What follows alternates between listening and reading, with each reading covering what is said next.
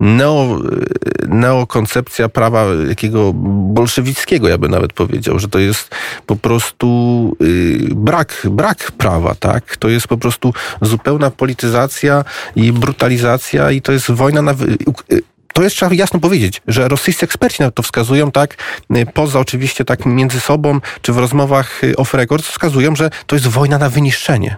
Mm, wrócimy i do tego aspektu, jak się teraz Rosja będzie odnajdywać, jak chce się odnaleźć w e, przestrzeni międzynarodowej, także tej prawnej i organizacyjnej, oraz także czym żyje w ogóle społeczeństwo rosyjskie, bo pan doktor, e, jako jeden z może niewielu ludzi w Polsce, ma jeszcze kontakty e, z Rosjanami, czy to naukowe, czy to czysto prywatne, co siedzi w duszy rosyjskiej, czy w ogóle ona istnieje, bo też jest dyskusyjny temat i różne były odpowiedzi, żeby Richard kiedyś powiedział, że nie ma czegoś takiego jak dusza rosyjska.